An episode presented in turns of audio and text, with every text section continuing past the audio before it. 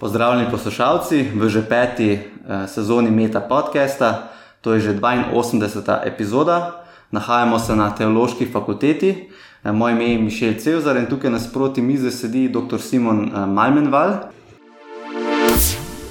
Si že od začetka se usmeril v bolj um, teološke študije? Niti ne.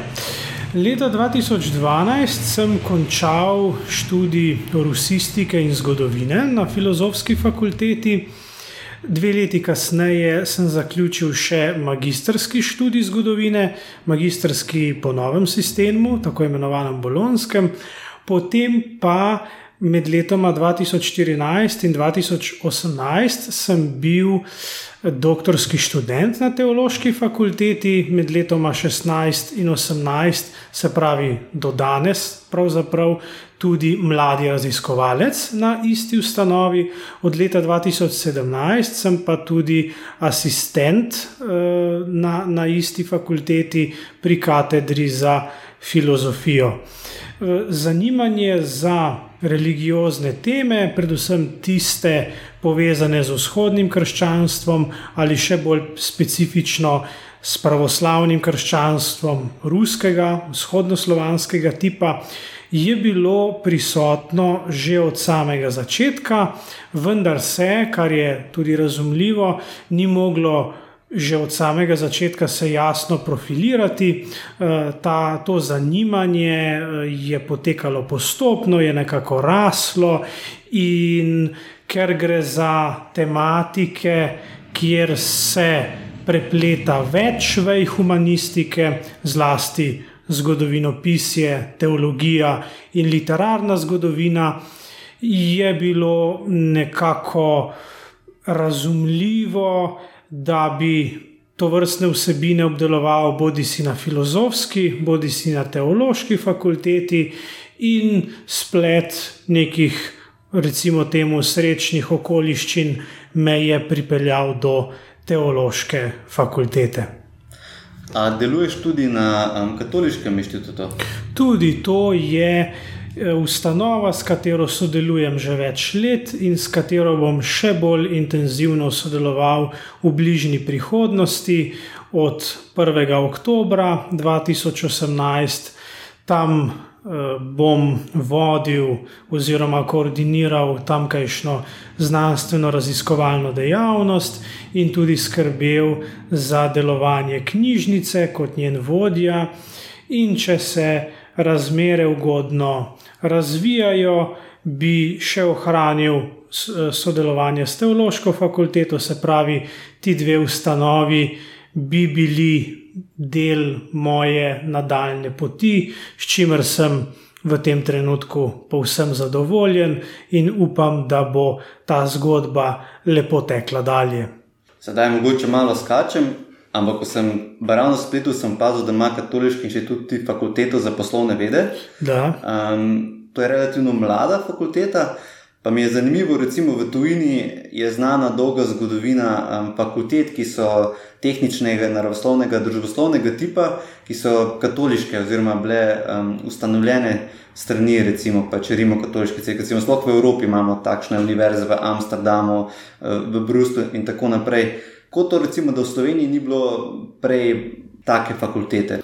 Na to vprašanje ni enostavno odgovoriti. Trenutni načrt, ali še bolje rečeno, trenutna dolgoročna vizija je, da se obstoječa fakulteta za poslovne vede pri Katoliškem inštitutu. Eh, preoblikuje oziroma razširi v pravo katoliško univerzo, torej da se tej fakulteti pridružita še vsaj dve, Kdaj bo do tega prišlo, je zelo težko napovedovati. Zakaj ta načrt ali ta vizija o univerzi ni v Sloveniji zaživela prej? Na to verjetno sta vplivala dva dejavnika. Prvi dejavnik je bil zgodovinski.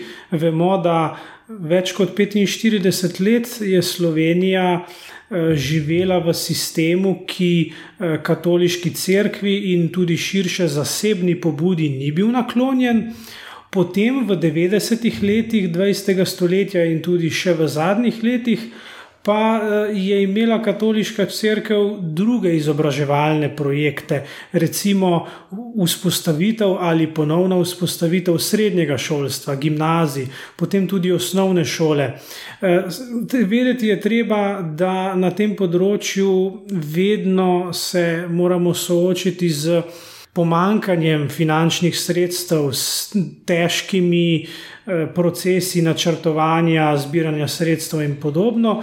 Eh, tako da rekel bi, da sta to ta dva dejavnika, nek širši zgodovinski in nek ta operativno-finančni, ki je vplival. Na to, da danes še nimamo katoliške univerze, bilo pa bi to zelo, zelo primerno, skoraj da normalno, glede na to, da je slovenski prostor v zgodovini bil večinsko katoliški, in glede, in glede na to, da je tudi eh, eno od poslanstv katoliške cerkve skrb za, za izobraževanje in sicer za celovito izobraževanje, tudi za tiste, ki se ne prištevajo med katolike, se pravi, da je ta sistem odprt za vse, da širi znanje, da odpira nova obzorja, da sodeluje z različnimi družbenimi segmenti in tako naprej. Konec koncev, če že nam bližnja Bosna in Hercegovina, ki je socialno, uh, socialno v težjem položaju kot Slovenija, pa v zgodovini nikoli ni bila večinsko katoliška, ima katoliško univerzo, celovito. Ali pa Ukrajina, podobno, recimo v Lvovu, tudi tam se nahaja katoliška univerza. Če imajo države tega tipa, takšne univerze, potem bi se resnično spodobilo, da jo dobi tudi Slovenija. Prej si omenil, da si se že prej eh, si študiral zgodovino in te je zanimala ta, ta širši pogled humanistike, tudi skupaj z teologijo. Um, če, nam, če se lahko zdaj se lahko lepo navežemo na temo tvoje doktorske naloge, če nam je, prosim, zaupaš.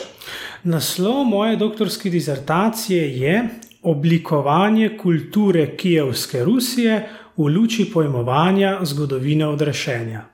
Naslov je na prvi pogled lahko zapleten, vendar vsebinsko mislim, da ni temu v celoti tako. Moja doktorska naloga se ukvarja s samo podobo staroruske elite, elite Kijevske Rusije, posvetne in crkvene elite med začetkom 11. in sredino 12. stoletja.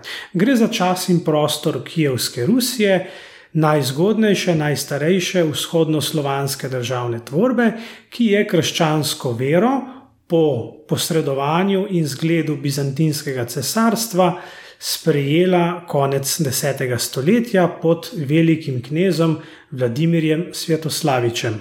Ko je ta prostor sprejel krščanstvo, je tudi sprejel drugačen, nov kulturno-duhovni sistem, lahko bi rekli, sprejel je nove kulturne norme.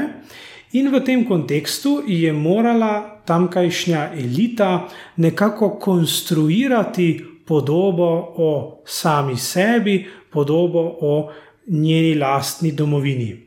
In ravno ta vidik samo podobe, samo opredeljevanja in samo potrjevanja je središčen v moji disertaciji. V disertaciji obravnavam izbrane reprezentativne zgodovinske vire, recimo letopise, hagiografije, pridige, v katerih se odraža ta samopodoba staroruske elite. Ali še bolj preprosto rečeno, kako so takratni izobraženci, crkveni in posvetni, gledali na svoj položaj v krščanskem svetu, kako so razlagali svojo nedavno preteklost, zlasti v odnosu do bizantinskega cesarstva, takrat vodilne politične in kulturne sile v evropskem in širšem evropsko-sredozemskem prostoru. Jasno jim je bilo, da so novo vero sprijeli nedavno. Jasno jim je bilo, da njihova kulturna tradicija ni primerljiva z bizantinsko, pa tudi s kakšno drugo, recimo latinsko. V tej luči so morali nekako upravičiti svoj položaj v krščanskem svetu in utemeljiti, zakaj so oni duhovno enakovredni vsem ostalim krščanskim deželam in kako se je skozi njihovo do nedavno zgodovino odražala, kot so oni temu pravili, božja milost, božji posegi v njihovo zgodovino, eh, kako je ta prostor postajal duhovno zrel, dobival svoje svetnike, eh, razvijal svojo književnost. Eh, gradil cerkve, spremenjal podobo mest, bil pet v mednarodne odnose takratnega časa in tako naprej. Skratka, gre za dizertacijo, ki na eni strani nasplošno predstavlja politične in kulturne razmere Kijevske Rusije v kontekstu mednarodnih vezi, zlasti z Bizantinskim cesarstvom, po drugi strani pa je to dizertacija, ki raziskuje kulturno samopodobo tega časa in prostora eh, v luči zgodovine odrešenja, to pa je značilen poznoantični in srednjeveški koncept dojemanja zgodovine, torej dojemanja zgodovine kot prizorišča srečevanja med Bogom in človekom, kot nečesa, kar se v zemeljski, empirični realnosti kaže nek, nek božji poseg, kako na simbolni način tolmačiti neke navides posvetne ali vsakdanje dogodke. In seveda ta dizertacija, kot je lahko že jasno, predstavlja. Neko posrečeno prepletanje, vsaj po mojem mnenju, neko posrečeno prepletanje med zgodovinopisjem, teologijo in literarno zgodovino. V Sloveniji se s tem doslej še nihče ni ukvarjal. V tej smeri pa je že šlo nekaj zgodovinarjev in kulturologov v tujini, čeprav tudi teh ni veliko. Naj omenim tukaj samo dva. Najprej ukrajinskega zgodovinarja Volodimirja Ričko in ameriškega zgodovinarja Donalda Ostrovskega ki sta na tak način že poskušala razumevati zgodovinsko zavest Kijevske Rusije do sredine 12. stoletja. Mislim, da je ta tema eh, še, tudi v mojem primeru, še ne v celoti dokončana. Seveda, dizertacija predstavlja neko celovito zaključeno delo, vendar tema kot taka ima še potencial za nadaljni razvoj. Če bodo razmere dopuščale, se bom s tem obdobjem in s podobno metodologijo ukvarjal še naprej.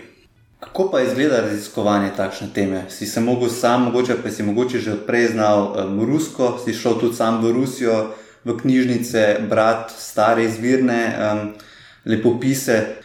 Rusko sem seveda znal že prej, prav tako crkveno slovanščino, eh, v, kate, v, v tem jeziku je namreč eh, sestavljen korpus teh starih besedil.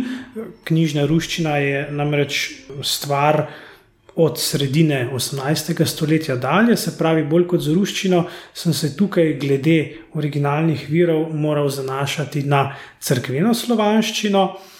Bil sem seveda v Rusiji, bil sem na Ukrajini dvakrat, trikrat, pravzaprav dvakrat v Kijevu, enkrat v Lvovu. In sem pa imel, kar se tiče obravnave teh zgodovinskih virov, neko srečo in sicer vsi za me relevantni zgodovinski viri so bili v zadnjem stoletju in pol že večkrat kritično izdani in to v različnih jezikih.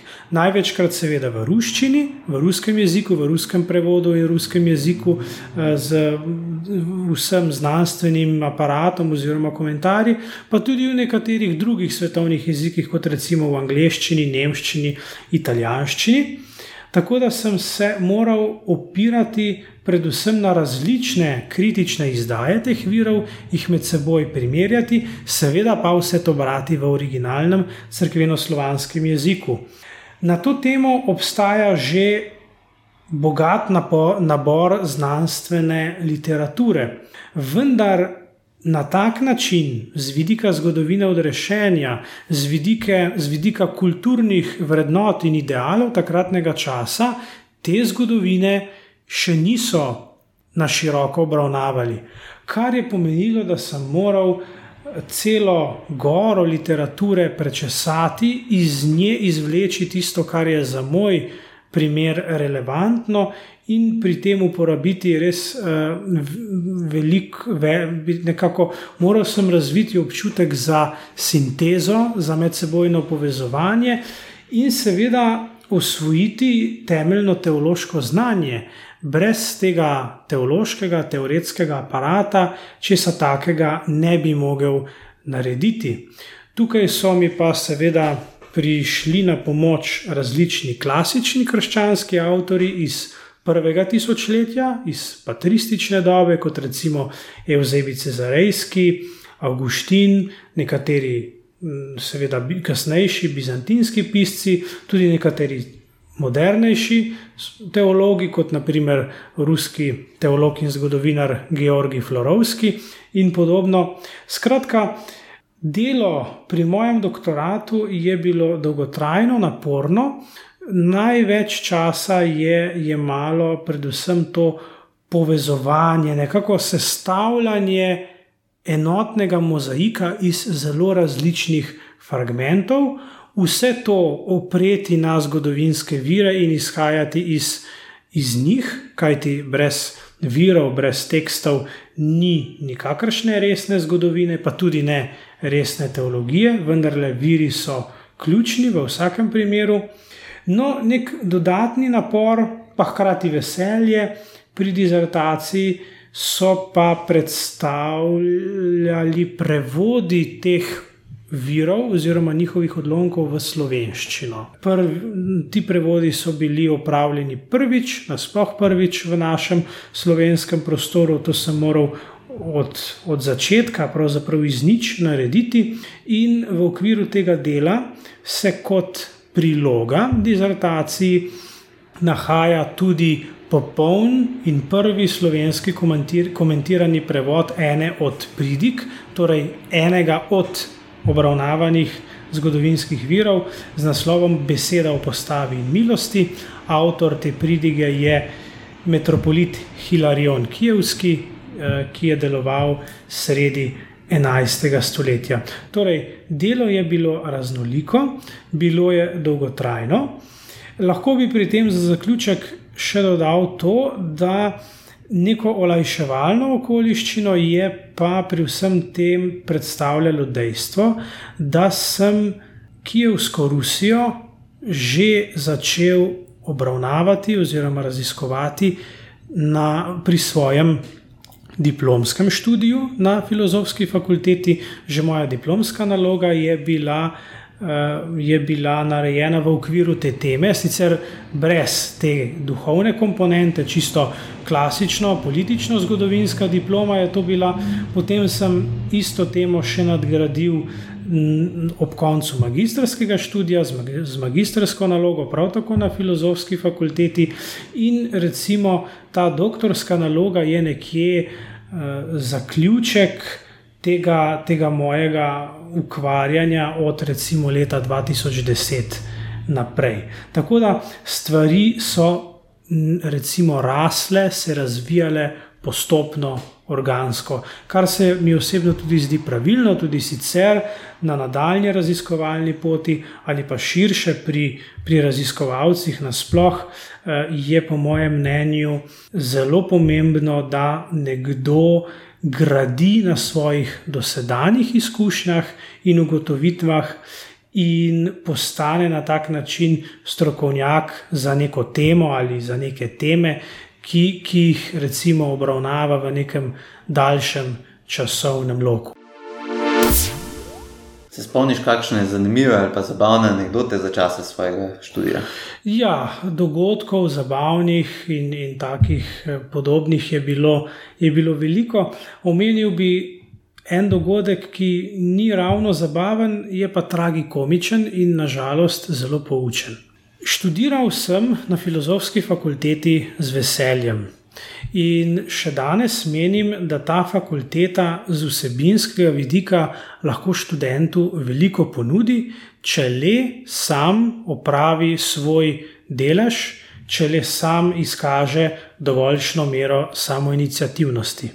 In kot nekdo, ki si je želel uh, dobro študirati in študij tudi hitro oziroma pravočasno dokončati, sem že na začetku študijskega leta, pravzaprav že nekoliko pred samim začetkom študijskega leta, v prvem letniku oziroma pred prvim letnikom septembra 2009 odšel v knjižnico oddelka za zgodovino in tamkajšnjo knjižničarko, danes je ta gospa že upokojena, že takrat je bila nekoliko starejša, prosil za izposojo nekaj skript, ki so seveda bile eh, navedene kot obvezna študijska literatura pri nekaj predmetih eh, v, v, v prvem letniku zgodovine.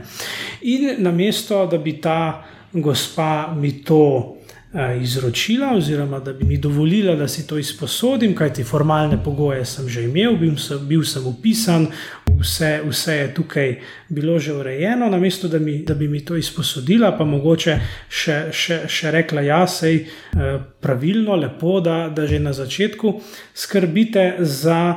Za, za vaš študij me je odpravila zelo grobo in komentirala, saj tega ne boste rabili pred pomladjo, kaj me sedaj tukaj gnjavite.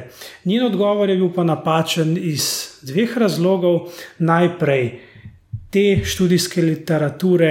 Eh, to študijsko literaturo bi potreboval že ob koncu zimskega semestra, torej ne spomladi, namreč gospa ni vedela, da se je takrat že začel izvajati tako imenovani bolonski sistem in da so nekateri predmeti, ki so bili nekoč celoletni, postali semestrski, v tem primeru eh, predmeti zimskega semestra. Torej, to je prvo, pr prvi napačni odgovor. Drugi napačni odgovor je pa bil eh, v tem, da nekemu zainteresiranemu, vestnemu študentu ni, ni, ni pomagala pri izpolnjevanju njegovih dožnosti in je posledično pripomogla k neki delovni neodgovornosti, k, k, k nekemu povprečnjaštvu, ki je žal pri nas v Sloveniji zelo razširjen. In žal ta primer lahko velja za odraz neke razširjene prakse v Sloveniji, pa ne samo na univerzah ali v akademskem svetu, ampak tudi širše.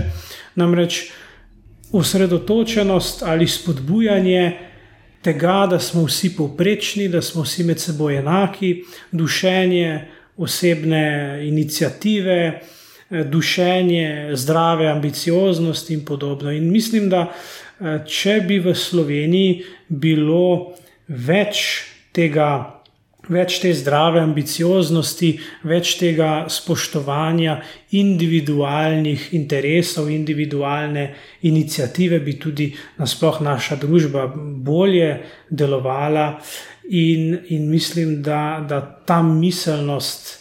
Ta miselnost bo morala prej ali slej oditi na smetišče zgodovine, tako rekoč, kajti brez tega ne bomo mogli napredovati. Kaj bi predlagal predsedniku vlade, če bi lahko šel z njim na kavo, da izboljša na področju znanosti? Ja, predlagal bi mu marsikaj, zdaj mislim, mislim, da bi izpostavil, poleg ostalega, tri vidike. Najprej bi mu predlagal, naj spremeni merila habilitacij in merila dodeljevanja sredstev od Agencije Republike Slovenije za raziskovalno dejavnost. In sicer, v, in sicer tako, da vsaka veja znanosti dobi svoje kriterije, se pravi, da se upoštevajo specifike za humanistiko, družboslovje, naravoslovje, tehniko posebej iluzorno in nepravično je, da pri raziskovalnih projektih, pa tudi pri habilitacijah, recimo v okviru Univerze v Ljubljani, veljajo enaka, vsaj temeljna pravila za uh, nekoga, ki je nekoga z, z fakultete za matematiko in fiziko, pa nekoga iz ne, recimo fakultete za družbene vede ali pa nekoga iz filozofske pa teološke fakultete. Skratka, zdi se mi, da je ta sistem uh, bolj pisan na kožo naravoslovcem. To je do neke mere razumljivo, zato ker naravoslovci, če smo zelo direktni, prinašajo denar. To so tisti ljudje, ki koristijo gospodarstvu, od katerih ima tudi država v svojem proračunu korist. Vendar, če država financira visoko šolstvo in če se obstoječa politika sklicuje na to, da je visoko šolstvo in tudi raziskovanje v osnovi javno, torej v, v, v dobro javnosti, v dobro skupnosti, potem bi morali upoštevati eh, te specifične kriterije in ne vsega in vseh metati v isti, v isti koš. Drugi predlog bi bil, mlade raziskovalce jemljite takrat, ko jim lahko zagotovite nadaljno eksistenco, torej nadaljno vključenost v visokošolske ali raziskovalne zavode. Torej, da takrat, ko Agencija za raziskovalno dejavnost Republike Slovenije razpisuje oziroma dodeljuje sredstva mladim raziskovalcem, posameznim mentorjem in ustanovam, naj se pri tem vzpostavi nek mehanizem, po katerem bo že vnaprej bolj jasno, ali bodo ti mladi raziskovalci nekje za nekaj let vzeti samo zato, ker jih nekdo tam rabi kot pomoč pri, pri, nekih, eh, pri nekem administrativnem delu, eh, pa da jim potem nudi zraven še za ston doktorat, kar marsikdo počne zlasti na fakultetah. Se pravi, da, da, da ti mladi raziskovalci niso samo neka pomožna sila, ampak so res uh, prva stopnja, prvi korak za, nadaljno, za nadaljne angažiranje in za pomladitev, osvežitev um, raziskovalne in uh, nasplošno visokošolske oziroma akademske sfere. Torej, imati mlade raziskovalce kot bodoče kadre, kot tiste, ki bodo slovensko in tudi sicer evropsko znanost razvijali dalje. No, in tretji predlog, zadnji od teh pomembnih, bi pa bil naj. Visoko šolstvo in raziskovalna dejavnost bo razširjena ali upoštevana tudi pri zasebnih raziskovalnih zavodih ali zasebnih visokih šolah, visokošolskih zavodih. Namreč v Sloveniji obstaja nesporazum o tem, kaj je javno. Javno je lahko državno, torej ustanove, ki jih je država ustanovila za izvajanje določenih dejavnosti in storitev. Vendar javno je lahko izvedeno tudi v okvirih zasebnega. Se pravi, ustanovitelj je lahko zasebnik, ki opravlja enako storitev, enako dejavnost, kakor državna ustanova. Torej, če se delijo sredstva, in sredstva se seveda delijo, in če se res skrbi za javni interes, potem je pravično, da javne storitve izvajajo različni ponudniki. Torej, da slovenska država, ustrezna ministrstva spodbujajo raziskovanje in pedagoško, visokošolsko delo, z eno besedo, znanost, tudi pri tistih ustanovah, ki jih ni direktno ustanovila država. Jasno je, seveda, da bo recimo takšna pomembna znanstvena ustanova, kot je Univerza v Ljubljani, dobila največ sredstev. Vse to je popolnoma jasno, to je prva eh, slovenska univerza, to je največja eh, državna izobraževalna ustanova, vendar hkrati bi, bi morali tudi v odnosu do zasebne pobude zauzeti neko bolj benevolentno stališče, kajti vsi skupaj, državne in javne ustanove, delajo, delamo za isti temeljni cilj, in potem bo pa, bo pa že študent, uporabnik ali kdorkoli ocenil, kje je, na, kjer, na katerem področju je recimo bolje študirati, naprimer na um, fakulteti za informatiko v okviru Univerze v Ljubljani, mogoče na kakšnem drugem področju. Je pa bolje študirati v okviru kakšne zasebne fakultete, in tako naprej. Skratka, da ljudje imajo izbiro in da to, kar je javno, je resnično v službi javnosti, v službi vseh. Da torej država povezuje, vključuje, ne pa deli na vaše in naše. Bi drugim doktorskim študentom priporočal kakšno, um, kakšno računalniški program, spletno stran, knjigo um, ali pa tehniko, ki je tebi prihranila čas, te naredila bolj učinkovitega?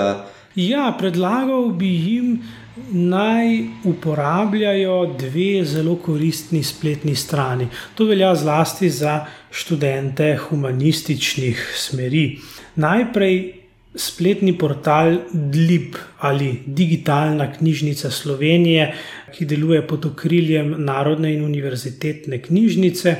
Na tej spletni strani, na tem portalu, je res, eh, izbra, je res zbranega ogromno gradiva, predvsem starejši slovenski časopisi, revije, monografije, tako znanstvene kot poljudno znanstvene ali pa tudi sicer publicistične. In za, za neko zlasti historiografsko delo je ta portal res nepogrešljiv. Gre, gre res za ogromno zbirko digitaliziranega historičnega gradiva. Druga spletna stran, drugi portal, ki bi ga priporočil, je pa spletna zbirka slovarjev, slovenskih slovarjev.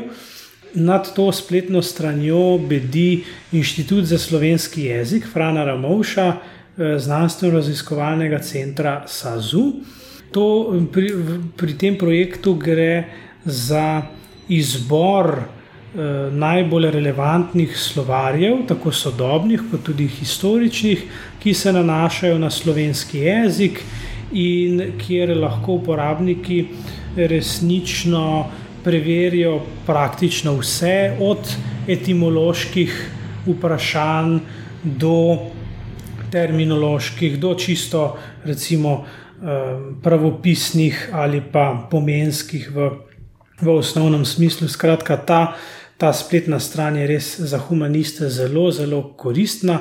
Poleg tega tudi nasploh v odnosu do slovenske javnosti ali do slovenske kulture goji in predstavlja res en lep primer gojenja kulture, jezika recimo, ljubezni do slovenščine, in mislim, da eh, nek študent humanističnih smeri mora imeti ta spletni portal kot za svojega. No.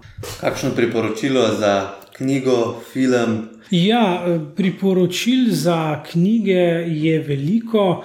Mislim, da si boste to lahko ogledali na, na spletni strani, v samem besedilu. Eh, sedaj, ne, v tem pogovoru, bi lahko omenil samo dve od štirih priporočenih knjig. Najprej knjiga britanskega zgodovinarja in teologa Henryja Chadwicka, ki govori o zgodovini sodelovanja in razhajanja med katoliškim in pravoslavnim krščanstvom od antičnega časa pa nekje do poznega srednjega veka ali zgodnjega novega veka.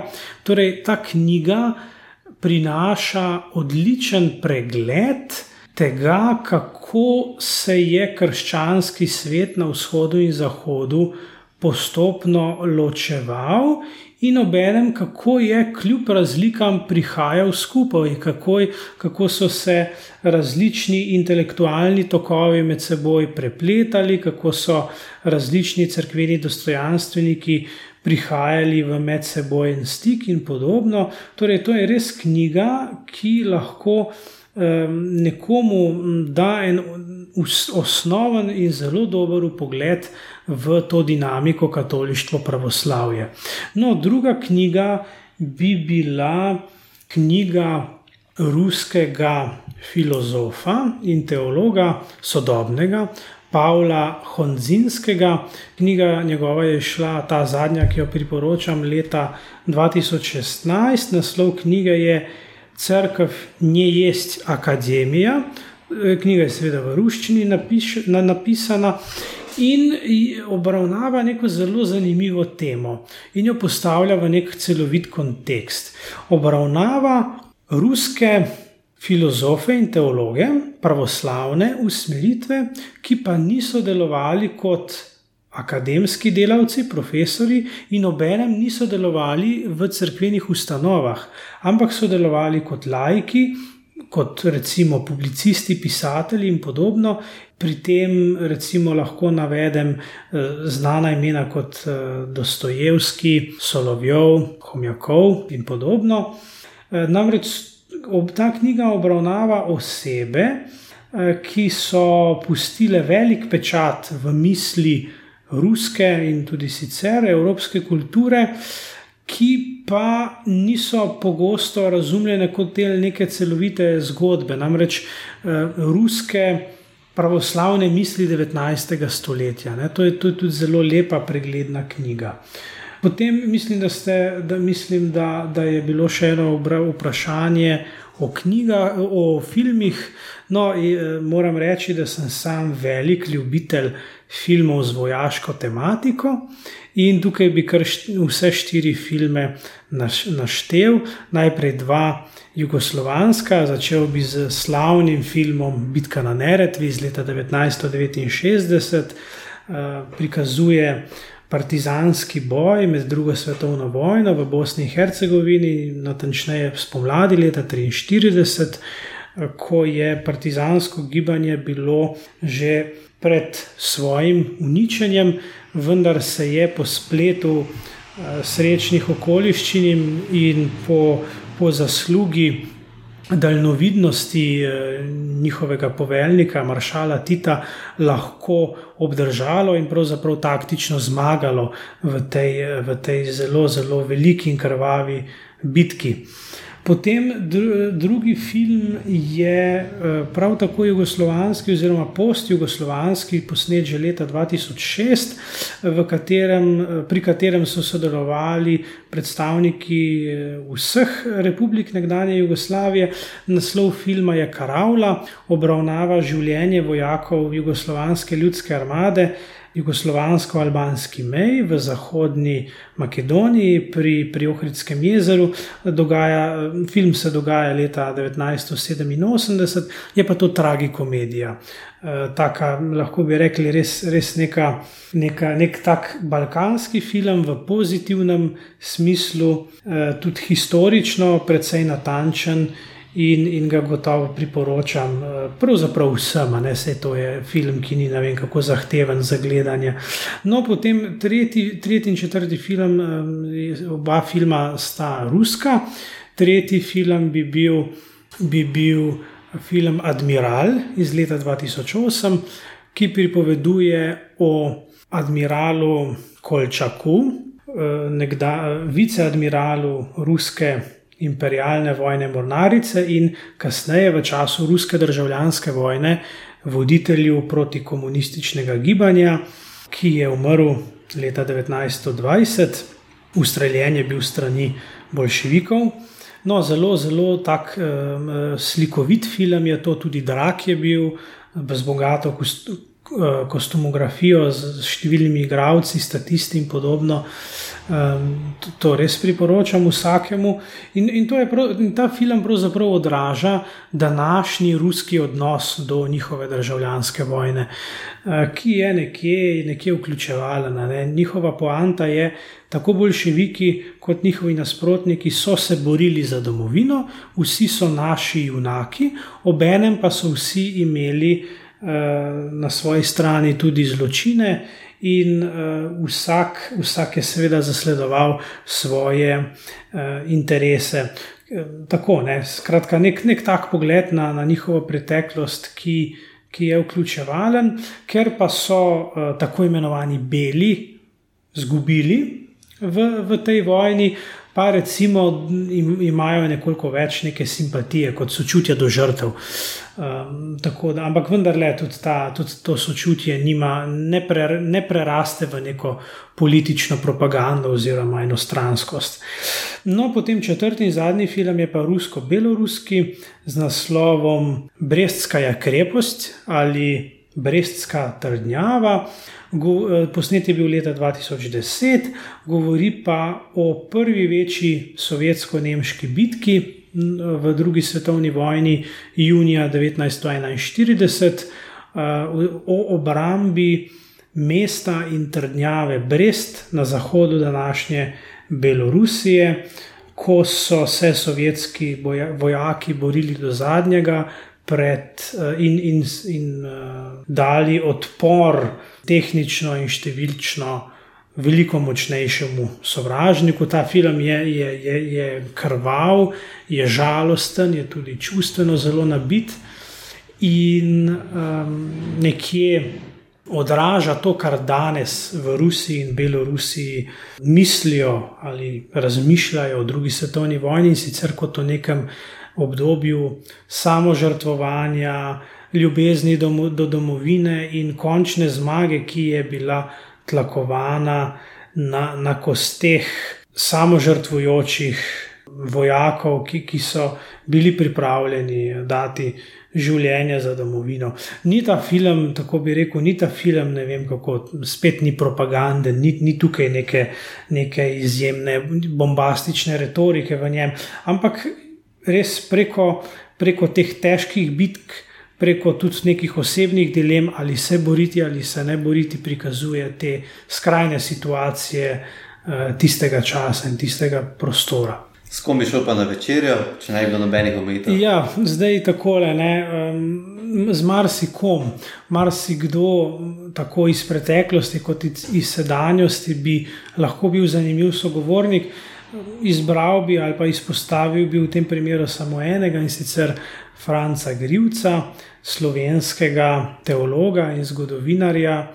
Eh, živel je, deloval je v prvi polovici 20. stoletja, eh, bil je eden prvih profesorjev na Ljubljanski teološki fakulteti, še danes velja za glavnega slovenskega strokovnjaka za vzhodno krščanstvo in za misijo svetih Cirila in Metoda. Tudi v mednarodnem okolju je še vedno prepoznaven, je nekako klasik teh pravoslavno-slovanskih študij, in zagotovo bi, bi, bilo, bi, se, bi, bi, zagotovo bi bilo zanimivo eh, imeti pogovor z njim. Poslušali ste Meta podcast. To je oddaja, v kateri se pogovarjamo z mladimi znanstveniki in znanstvenicami z različnih področji znanosti. Podcast domuje na spletišču metinalista.si, kjer najdete tudi druge zanimive znanstvene vsebine. Naše delo lahko podprete z donacijo Metini listi. Pohvale, pripombe in predloge lahko posredujete po e-mailu znanost.afna.metinalista.si. Dobrodošli so tudi komentarji na Facebook profilu Metine Liste in na Twitterju Afna Metina Lista, kjer uporabite hashtag MetaPodcast.